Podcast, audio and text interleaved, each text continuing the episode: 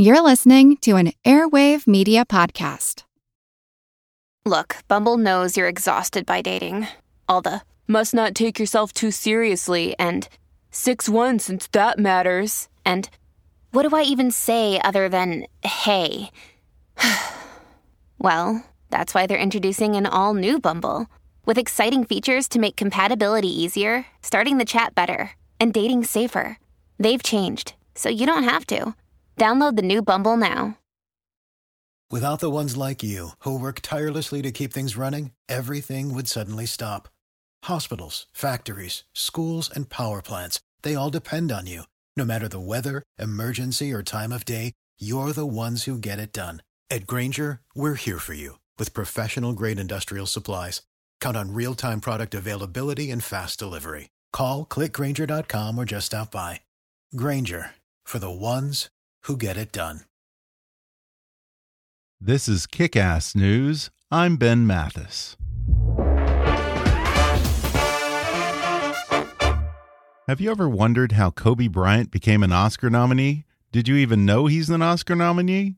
These are the kind of questions that Cal Fussman gets answers to in his podcast, Big Questions with Cal Fussman. Best-selling author and Esquire columnist Cal Fussman talks to people who've lived extraordinary lives, from Kobe to Dr. Oz to Tim Ferriss. These are really deep, thoughtful conversations, and you'll end up with burning questions answered and a few new ones to think about. Subscribe to Big Questions with Cal Fussman now in your favorite podcast app like Stitcher or Apple Podcasts. And now, enjoy today's show. Hi, I'm Ben Mathis. Welcome to Kick Ass News. In 1935, Upton Sinclair wrote a semi satirical novel called It Can't Happen Here.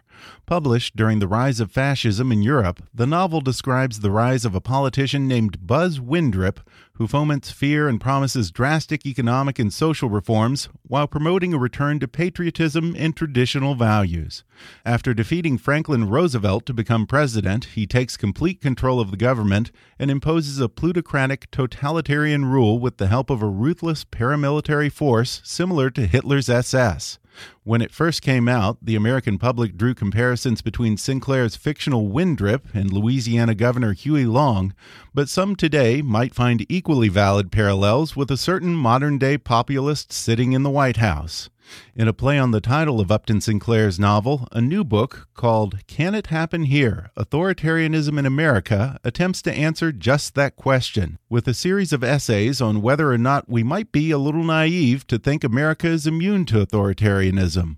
It's edited by my guest today, Cass Sunstein. Cass Sunstein is the Robert Walmsley University professor at Harvard Law School, where he's the founder and director of the program on behavioral economics and public policy. From 2009 to 2012, he served in the Obama administration as administrator of the White House Office of Information and Regulatory Affairs.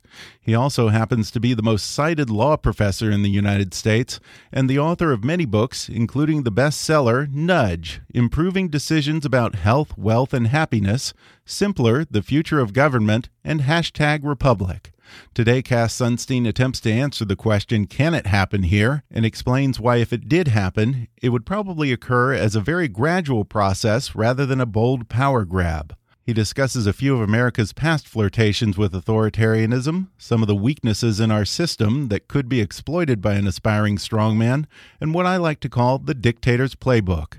He talks about the ways that tribalism, nationalism, and conspiracy theories create a fertile breeding ground for authoritarianism. He reveals whether he thinks President Trump secretly aspires to that sort of power. And of course, I ask America's foremost legal scholar to weigh in on the Russia investigation. Coming up with Cass Sunstein in just a moment.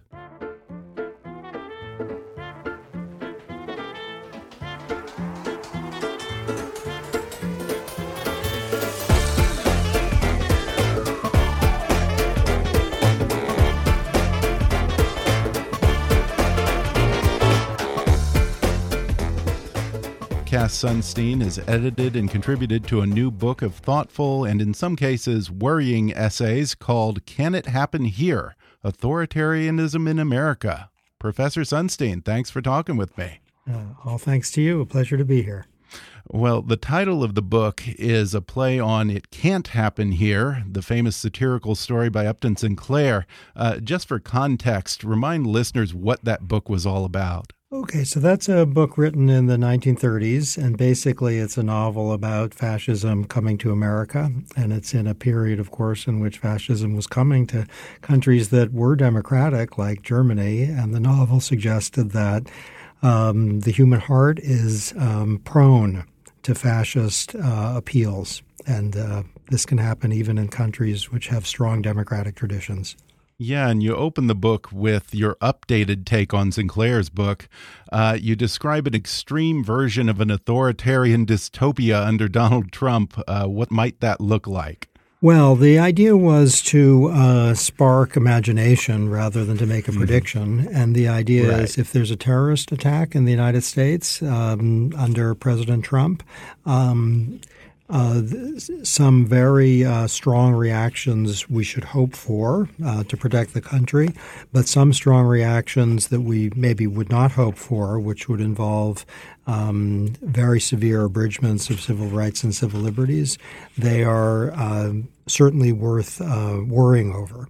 So, given um, you know, for those who like President Trump, those who don't like him so much, his um, uh, interest, let's say, in um, keeping the country safe, which is laudable, uh, might lead to uh, radically decreased interest, let's say, in uh, due process of law, uh, protection of personal privacy, and freedom of speech. So it's sort of like one of those movie scenarios when there's a terrorist attack or something happens and then martial law imposed and then it just spirals from there. Huh? Yes, and you can easily imagine it, whether or not it's um, you know likely. You can imagine a ramping up of surveillance policies of the sort we saw after 9/11, uh, monitoring of emails and telephone calls.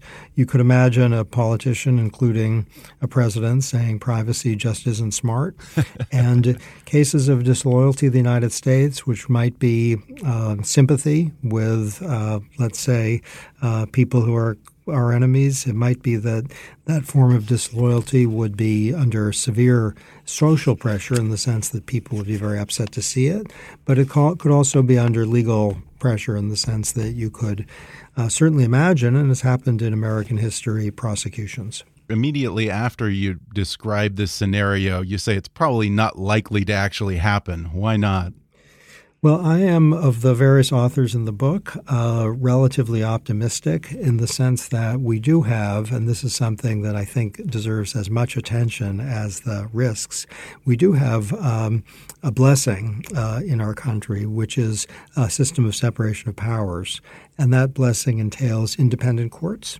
And even if the independent courts are populated by uh, one or another president, they tend to be, um, at least most of the time, protective of at least core rights. We have a requirement that the president get approval from the Congress of the United States before at least a wide range of stuff be done. And that, from the start of our system, really, uh, was intended as a check on the power of anyone who would aspire to be a king. So that's a blessing. But there's also another kind of blessing which is less legal and more cultural, which is that Americans have developed a kind of uh, fierce protectiveness of their own independence from government. And this goes way back and it remains very strong. And so long as Americans are fiercely protective of freedom of speech, privacy, um, the right to vote, the right to throw the bums out, the the risk of uh, something even close to a fascist system in our country. In my view, as I say, the some of the authors in the book don't agree, but in my view, it's relatively low. Having said that, uh, there's a lot of points on the continuum between, let's say, a perfect democracy and a fascist system. And there are lots of points that move us from perfect democracy to a fascist system that don't get us all the way to the nightmare scenario that are really bad points to be on. And uh, that, I think, is a realistic worry that we will get, or in some ways we maybe are, on, on uh, points that are far from the ideal as you mentioned earlier, we have plenty of examples, or at least some examples of that in our history, like Abraham Lincoln suspending habeas corpus or the Japanese internment camps during World War II. And yet, it seems to me that while we might occasionally walk the line or even cross it just a little bit sometimes, we may flirt with authoritarianism. Inevitably, every time we seem to pretty quickly snap back to our senses, wouldn't you say? I think that's basically right, but I worry a little bit about um, global statements that mask uh, years and decades of not good things and global statements that mask uh, real problems for particular groups, even if most people are enjoying liberty. So the fact that uh, a lot of people were lynched in the United States by, because of their skin color, and that was right. sometimes did with the, done with the, you know, acquiescence or worse of the authorities. Uh, denial of the vote to women until 1920, um, the enslavement of millions of people in the American South. Uh, these are things that are, you know, not fascism in the literal sense, uh, but are a form of it that, that did happen here. And we have fellow citizens now, um, or people within our borders, who are either at risk of being incarcerated or who are actually incarcerated when the thing they did either wasn't against the law, but they're accused and powerless, or whether when the thing they did while formally against the law, you know, might be a drug offense or something, was the kind of mm-hmm. thing for which most Americans wouldn't have to worry about years in prison. So uh, to think about forms of, let's say, um, abuse of authority that are uh, daily presences in the in the lives of our brothers and sisters, uh, that's probably a good idea. Perhaps it's the optimist in me that I'm working under the assumption that America indeed has the checks and balances to prevent this sort of thing, largely because it's worked so far. But are there weaknesses within the actual system that could be exploited by someone if they had authoritarian leanings? I think so. So the, the first is that the power of the president is immense. And the system of separation of powers, as it was originally designed, did not anticipate what has happened to our presidency. And a lot of Republicans uh, kind of made that cry under Presidents Clinton and Obama. Uh, and Democrats did the same under Bush and are doing the same under Trump.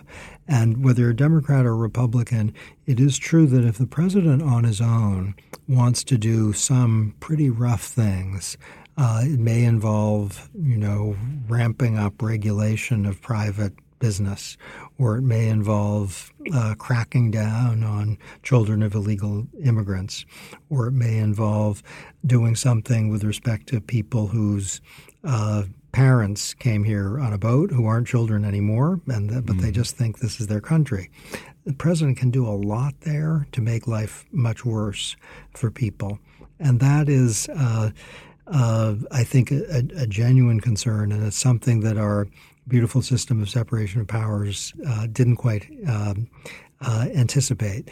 The other thing is, though the courts are independent, um, and that's crucial, uh, they often get involved late, and when they get involved, often they are uh, respectful, and this is in many ways a good thing, but not only a good thing.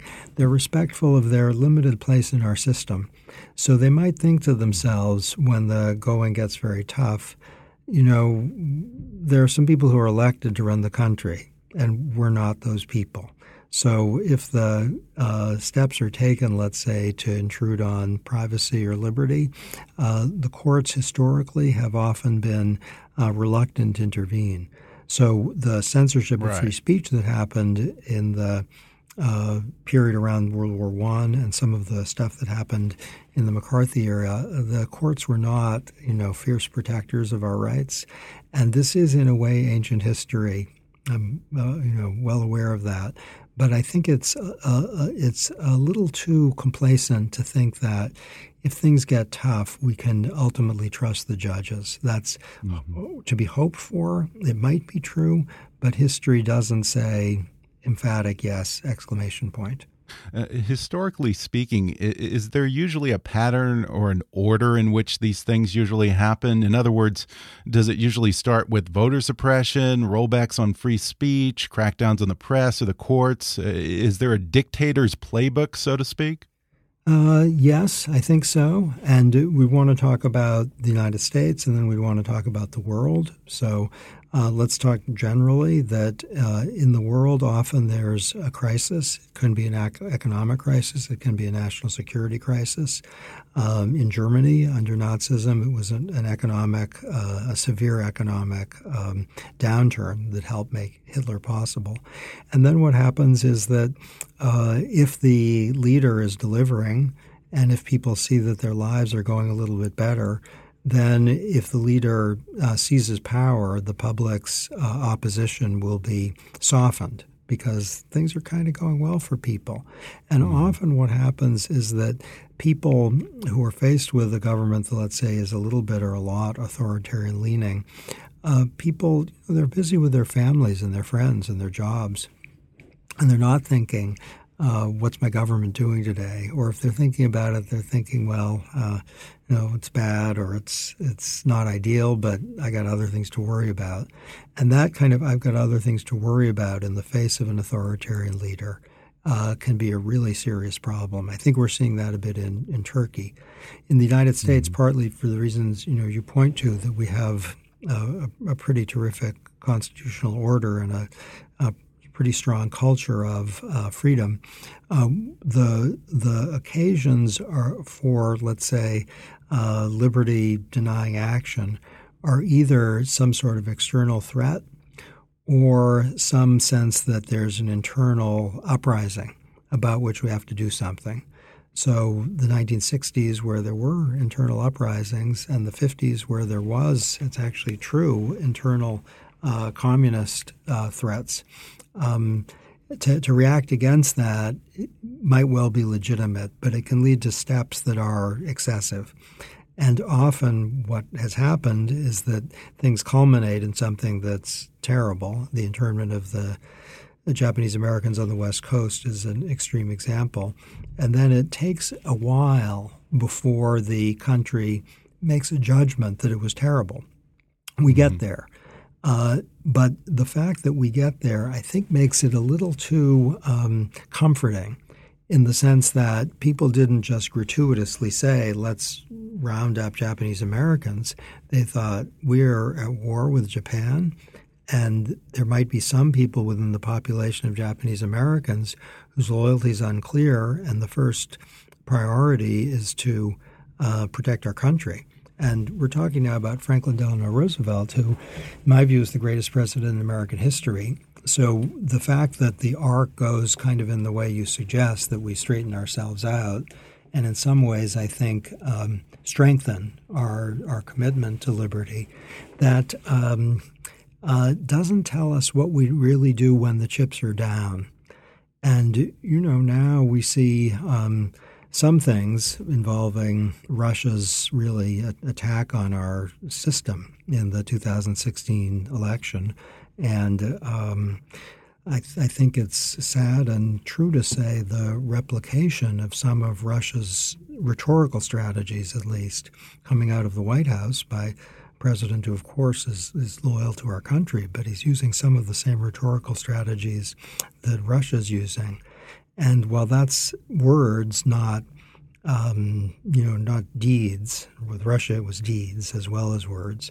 From the White House, it's words. It is a um, uh, a warning sign.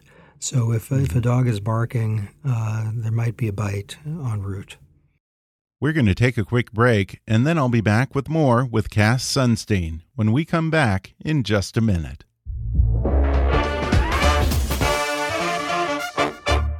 When it comes to your health, brushing your teeth is one of the most important parts of your day. That's why Quip has combined dentistry and design to make a new electric toothbrush that packs just the right amount of vibrations into a slimmer design at a fraction of the cost of traditional electric brushes. With Quip, guiding pulses alert you when to switch sides, making brushing the right amount effortless.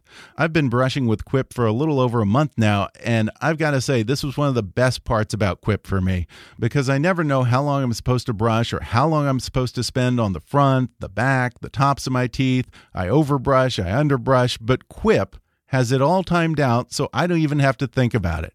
Another great thing about Quip, it comes with this handy mount that actually suctions onto your mirror so your wet toothbrush isn't just sitting in a dark drawer somewhere growing bacteria. For God's sake, let your brush breathe, folks.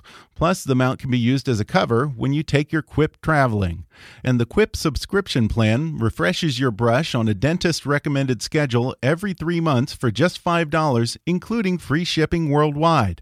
Again, I love this. Nothing to think about. I don't have to wonder when it's time to go to the store and buy a fresh toothbrush. No wonder Quip is backed by a network of over 10,000 dental professionals and was named one of Time Magazine's best inventions of the year. Find out why for yourself. Quip starts at just $25, and if you go to getquip.com slash kickass right now, you'll get your first refill pack free with a Quip electric toothbrush.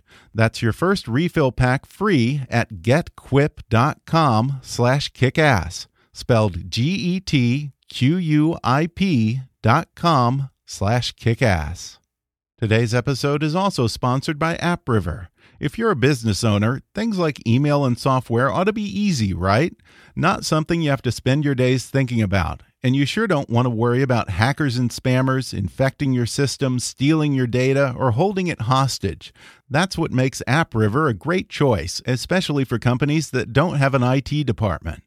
For small and mid sized businesses, AppRiver can be your IT team, or at least free up your computer nerds to do things that actually make you money. With AppRiver, you can get email, spam and virus filtering, email encryption, archiving, and compliance solutions. They can secure your email on your servers or just handle it for you with Office 365 or hosted Exchange. Their services are all cloud based, so you pay a subscription instead of buying hardware, software, and licenses. Try any of their services free, cancel anytime, and know that their US based phenomenal care is available all day, every day. Ready to make IT easy? Visit appriver.com slash kickass and try any of their services free. That's appriver.com slash kickass. We're also sponsored by Google Cloud Platform. What can your data tell you? With Google Cloud Platform, use machine learning at scale to build better products. Google Cloud's AI provides modern machine learning services with pre trained models and a service to generate your own tailored models. Their platform is now available as a cloud service to bring unmatched scale and speed to your business applications. It predicts so your business can thrive. Click now to learn more about Google Cloud Platform or go to g.co slash getcloudai. Again, that's g.co slash getcloudai. And now, back to the podcast. You seem to have a pretty healthy skepticism when it comes to conspiracy theories and misinformation online. Uh, you've written on the subject at length. Uh, when I think of the rise of Nazism or African dictators who spread rumors that AIDS is an American plot, or amazingly, that AIDS maybe even doesn't exist. It does seem that authoritarianism and conspiracy thinking go hand in hand. If that's the case, does it concern you the rise of the Alex Joneses in this country and the proliferation and, and even legitimization of conspiracy theories right now? You're making a, great point, and the book touches on this, but it's it's it's a fundamental point, and um, uh, I want to think a little bit with you about, about why this happens. So, if you look at the history of authoritarian movements in the world, including the unsuccessful ones in the United States, they're just what you say. They point to some internal or external enemy who is conspiring to make horrible things happen. And Nazi Germany, of course, is the extreme case with all these uh, thoughts about Jews. And in fact, after World War II, there were discussions with former Nazis who were, you know, extremely good people in my view, uh, but you know, regular people who had regular jobs right. and yeah. who didn't particularly hate Jews. They certainly didn't want them to be killed. the ones I'm speaking of, but they didn't like Jews, and they did think that they were involved in conspiracies against Germany. And and it, it must be either that there's a relationship uh, in practice. I think there are two ways to think about it: a relationship between in practice between what makes an authoritarian leader of a mild sort or of uh, you know the real deal sort um, appealing, and it must be people are scared. Mm-hmm. So in our history, uh, when we've had movements in the direction, people have been scared, or the authoritarian leaning person is, is scaring them, and that can lead uh, to horrible things. And, you know, on the left and the right, you can choose your favorite examples. Um, George Wallace was a, um, you know, a, a, conspiracy theory type uh, of person in the sense, I'm uh, not sure how much he pointed to literal conspiracies, but certainly the enemies within. And uh, yeah. uh, my understanding is that some people who are kind of uh, uh, gun enthusiasts speak about socialism and gun robbing and conspiracies to do all sorts of really horrible things when the only idea really is to reduce the risk of gun violence while also recognizing that people have a right to be peaceable gun owners. And so if people aren't scared, they're not going to be drawn to an authoritarian leader. But the other possibility, which you're pointing to, is that the authoritarian leader might be a product of pre existing fear rather than someone who fuels the fear. Mm. So the conditions are, are ripe for someone to say, you know, let me lead when people are thinking, oh my God, hell is breaking loose because of what those people are, are organizing.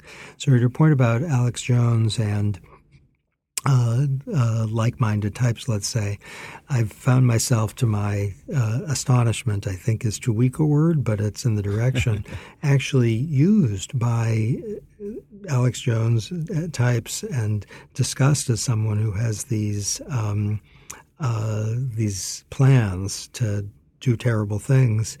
Uh, when uh, when I worked in the U.S. government, I was in charge of the White House Office of Information and Regulatory Affairs, and information right. actually means paperwork reduction efforts. It doesn't mean propaganda. It means okay. reduce reduce paperwork. It's about forms. It's not about. and so I saw I saw a close up. It is worrisome yeah. because if you are you know, going about your life and you're maybe drawn to conspiracy theories or not, but you hear on the radio someone who seems sincere and passionate saying there's some plot to do something horrible. Uh, it's not crazy to think, oh my God, uh, there is an enemy within. Mm-hmm. And, and that, that, that is a big problem for our country today. So I think, if anything, we are lowballing the magnitude of the problem for our democracy of a um, system of social media and communications that's so radically decentralized that the distinction between truth and um, craziness is often very hard to make out. Well, yeah, and in a 2008 paper that you co authored called Conspiracy Theories, um, you actually advocated for the government to take a more proactive role in debunking and combating blatant misinformation and deliberate disinformation online Opponents, of course, expressed concerns that this would lead to the Obama administration policing the internet and curbing free speech. But if there had been some sort of a legitimate fact checking program like that in 2016, do you think it could have gone a long way toward blunting Russia's efforts to influence the election? It's a great question. Uh, so, that paper, I can say, was published in the Journal of Political Philosophy. I was a co author. My own conception of it was it was about how to combat um, terrorist threats from abroad. It wasn't about Americans. And the, right. the, ideas we used, my understanding is they're in the intelligence community, they're not controversial ideas. That if there are people in a country that's, you know, threatening to us who think that America was responsible for 9 11 or something, to work with people there, to send Americans there to uh, debunk the theories. That's that's not uh, that's we weren't original. That's not an original idea. That's kind of common sense. Um, in terms of the Russian uh, actions, Um, I think the the the argument of the paper really was focused on 9/11 mm-hmm. type uh, murderers and how to help um, prevent young people, let's say 19 years old in some country who are drawn to Islamic terrorism, to say, you know, America isn't your enemy, and that stuff you're hearing mm-hmm. about us, that's not true. And either for Americans to say that or for Americans to work with people in those communities who know that that's how America is. It's not, you know, 9 11 wasn't an inside job. We're not trying to destroy a religion. To try to clarify this is, uh, is what the paper is about. And I think that is a, you know, a strategy that makes some sense. The Russian problem is, uh, I think, knottier. uh, KN, no, not A N U G H T Y, though probably that yeah. too. And it's extremely ugly. And um, the one essay in the books basically is all about that. And it is a threat to our democracy. It suggests, an it can, that can happen here that isn't about uh, directly, certainly, authoritarianism coming to America, but it's an it in the sense of uh, a deep subversion of our democratic institutions by a country that has A, no respect for democratic institutions, and B, has designs on the weakening of the United States. And that is uh, very grave. And I think the way to think about it is that um, there's an old Marxist idea which is about class struggle, which is you heighten the contradictions. This comes from Marx and Lenin, which is one way to force a demise of capitalism, is you heighten the contradictions so the proletariat sees you know, one way to think of it is the contradiction between the ideals of a capitalist society and the fact that they're stuck in poverty, say, and you heighten the contradictions to get them to rebel. Now, that's a Marxist idea. Russia is now using a version of it by speaking to, uh, let's say, uh, heated up people on the left and the right and getting them hotter mm-hmm. and making them think that their fellow citizens are. Um, you know, enemies or wanting to kill them or wanting to humiliate them or something. And that is heightening a, a, contradiction in the in the roughly Marxist sense. And so it's no accident that the former Soviet Union is using the leading country, that is Russia from the former Soviet Union, is using a Marxist-inspired strategy, and it's it is it is dangerous, and it's not less dangerous today than it was in 2016, and it is uh, possibly. Um, uh, uh, a, a, serious undermining of our capacity to govern ourselves. Uh, what is troublesome, I think, about uh, President Trump, who on, on, a number of issues, I should say, uh, in the regulatory side, which is kind of my neck of the woods, has had, had some very good initiatives.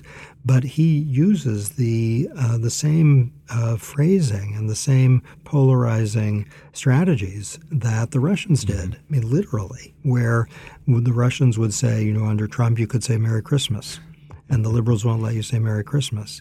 And then that's one of President Trump's, you know, go-to lines. Under me, you can say Merry Christmas. Now, I'm all for being able to say Merry Christmas, but to accentuate, uh, they didn't allow you to say Merry mm-hmm. Christmas. Mm-hmm. I will. Right. Is to set Americans apart from each other. Right, and of course, he he literally quotes Stalin, you know, when he calls the media the enemy of the people. I want to spend another minute on Russia because, as a legal scholar, I'd be curious to get your take on the investigation. Do you think that all of this smoke may lead to the top eventually when it's all said and done? I wouldn't want to speculate. Mm -hmm. I mm-hmm. really hope not. So, um, as we're speaking now, there's no evidence, so far as I'm aware, that suggests the president was involved in anything involving Russia. And, uh, you know, it's, let's call it a secular prayer that mm-hmm. the president of the United States is not implicated in something like that.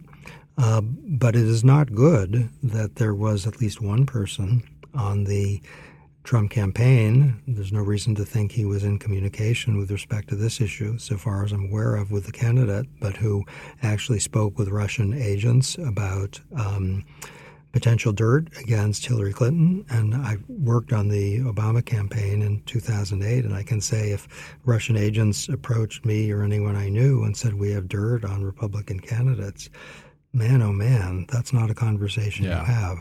And I, I wouldn't say that that action is treason as constitutionally defined, which has a narrow definition, but it is traitorous and yeah. very, very grave. And my hope is it's, you know, sharply limited to that guy or a few people who are low level.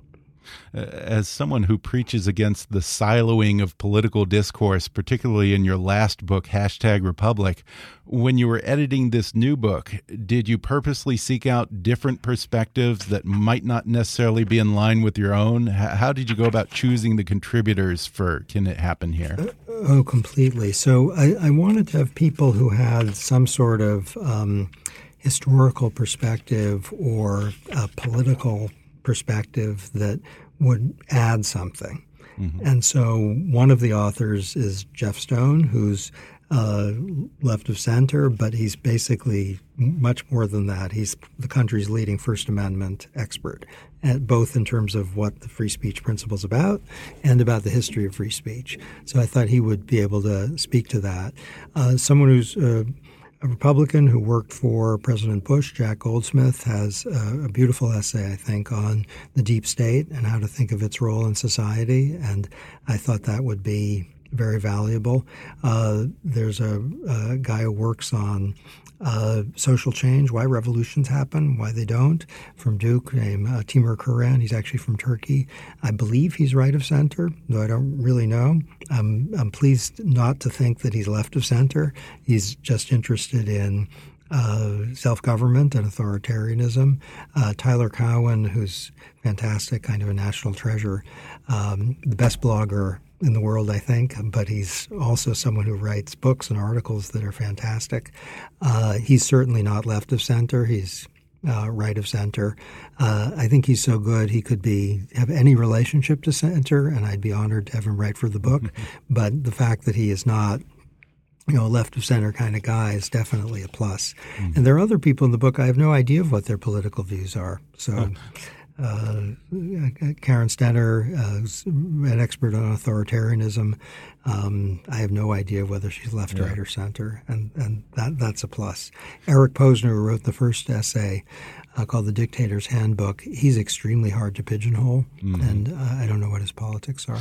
Yeah, that was an excellent essay that he wrote. And one thing that comes up a lot in these essays is the idea that American authoritarianism probably wouldn't be some bold, all at once power grab, but it would happen very slowly and incrementally. Now, one thing that we know about Donald Trump that he doesn't have, aside from a filter or conscience or humility, uh, you know, actually, I'll amend that. Among the hundred or so normal human qualities that Donald Trump lacks is the ability to sit still, bide his time, and do things in any kind of gradual, more measured way. Does his own impatience perhaps prevent him from pursuing this kind of slow, stealthy authoritarianism you talk about? I, I, don't think President Trump has an authoritarian, my own view is anything mm-hmm. like an authoritarian design on our country. I don't think he has that. Uh, I think he has per- particular goals and uh, particular frustrations, and um, uh, where the goals, you know, have something to do with um, national security or immigration or wall building and uh, um, economic growth and tax cuts. I think he cares, of course, about all of those things. Um, the frustration he feels, which any president feels, seems particularly acute and kind of red in color on, with him, mm-hmm. and and that's not um, ideal from the standpoint of you know preserving our norms. So the fact that he treats people who disagree with him or struggle to stop his policies as um, deserving contempt or some uh, uh, some nickname that makes them look like they are criminals or uh, horrible. That that's not good. Mm-hmm. The idea of speaking of jailing or investigating people he defeated in an election, I think that fits with what you say about his impatience and it, it, it, does suggest that the tale of that some of the authors tell of authoritarianism kind of slowly and by increments, that's not at all like what uh, Trump has in mind. I think mm-hmm. it doesn't have authoritarian designs, but the collapse of norms yeah. in a kind of slow way that he is contributing to. And I think we, we all should really worry about that. And the fact that the contributors to the book, you know, aren't aren't shouting, you know, uh, against the current president, even though some of them are very unenthusiastic about him. They treat him with civility. I think that's um, really important because if you meet fire with fire, hmm. then uh, you become your enemy, and and then the norms are done. And yeah. there is a risk, I think, in the next few years that that we're going to get there. And it's basically President Trump's fault if we do, but it's also the fault of those who, um, you know, don't say, "Look, our system is one of um, of self government." And uh, certainly, the people who supported President Trump are, are fellow Americans, and they have views, and they need to be treated with respect. But mm-hmm. the uh, the demonization of political opponents, which President Trump certainly is uh, willing to do, that is part of uh, potentially an incremental shift to, to mm-hmm. something mm-hmm. we haven't seen before. Mm-hmm. Not necessarily authoritarianism, but something that is uh, ugly. Some of what you've said echoes what I heard from David Frum and David Cay Johnston on the show recently. They both talked about the subtler ways that the Trump administration is eroding institutions from within, whether it's the State Department, the EPA, the Justice Department. Might those in some ways be just the kind of gradual precursors to authoritarianism that you actually talk about in this book? Or is that overstating it? I don't think so. I think they're precursors to mm-hmm. something else. Um, so let's let's kind of go case by case, maybe. Uh, the Environmental Protection Agency. Um, I worked with them, you know, for a number of years, and I saw them kind of shortly after the Bush administration when they felt uh, demoralized and diminished. Now that's how they felt, and that's not necessarily you know, something that everyone should be alarmed by because maybe they were, you know, too left and Bush cabined them. That's possible. Uh, but it's uh, not ideal when people who are devoting their lives to protection of clean air and clean water feel demoralized and disempowered and leave. And I think what we're seeing under the current administration the EPA is a more extreme version of that, where uh, it's possible, I think, for uh, someone to think, you know, we've uh, po- imposed too much of an economic burden on businesses through environmental regulation, and we need to back off significantly. But at the same time, we are deeply committed to clean air and clean water and we're going to carry through hard on those enforcement missions consistent with our economic goals. And that's not demoralizing, but I think we're seeing something demoralizing. And that makes it uh, not easy, not impossible, but not easy to recover. And that's not authoritarianism, it's more a demoralized, diminished uh, entity whose basic job is really important to keep the air clean and the water safe. And even if they are basically doing that today, they're doing that with um, mm-hmm. fear that the head of their agency doesn't like them very much or doesn't trust them or something. So there's that. The State Department's a, a, different picture, and here I would defer to my wife, Ambassador Power, who worked in the State Department, yes. who has a chapter in the book. Right. But my understanding is that the State Department, it's kind of parallel to the EPA situation, but in some ways worse for long term recovery, not because of authoritarianism, but because of a diminished role for the United States in the world, because our uh, ability to uh, create new diplomats who would be, let's say, the next generation's negotiators, and our ability to uh, retain people who've so far devoted their lives at not fantastic pay and certainly terrible hours to helping maintain peace in the world, they are leaving or feeling disrespected. And to recover that will be really hard. So the nightmare scenario there is not about authoritarianism in the United States, but is, and I think this is uh, a very realistic fear, is authoritarian uh, running uh, loose in the world where China and Russia are filling a gap that America's, uh, let's say, um, uh, weakened role in world affairs uh, has opened up. And China and Russia, you know, we all should be full of admiration for the people of China and Russia. I've been to China. I have many friends from Russia, and Americans do, and Chinese American Chinese Americans and Russian Americans are all around. So this is an attack on the countries, but the leadership are are uh, these are not friends of democracy. And so mm-hmm. it's very bad for the world. It's not good for other nations, which could go authoritarian or democratic, to see uh, that the United States has um, hollowed out its uh, its capacity to participate in uh, settling global problems. Yeah, and since you mentioned your wife, Samantha Power, I, I just want to say I saw Greg Barker's terrific documentary, The Final Year, the other day, and I was really moved by the degree of empathy she brought to the job as UN ambassador. You know, we're used to seeing diplomats and politicians approach crises around the world with a certain degree of detachment, but I think your wife has a really big heart. That's quite a woman you've got there.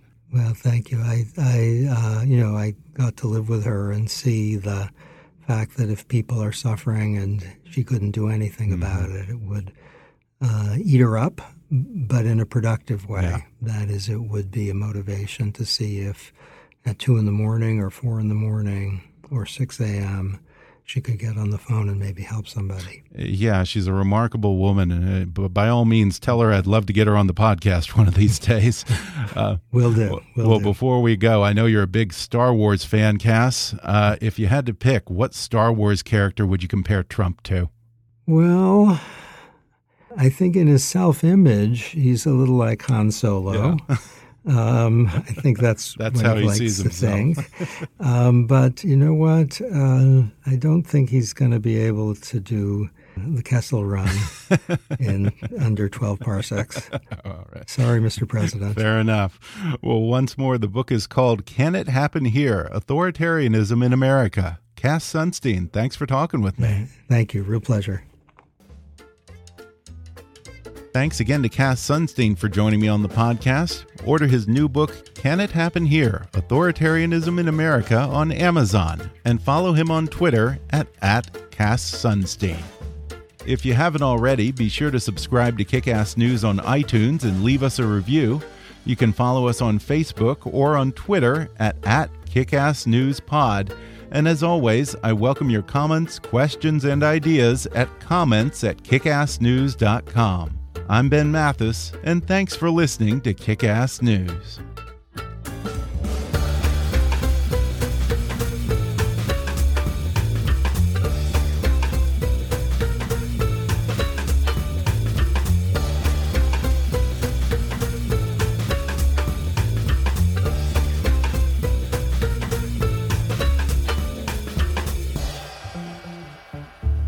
Kick Ass News is a trademark of Mathis Entertainment, Inc.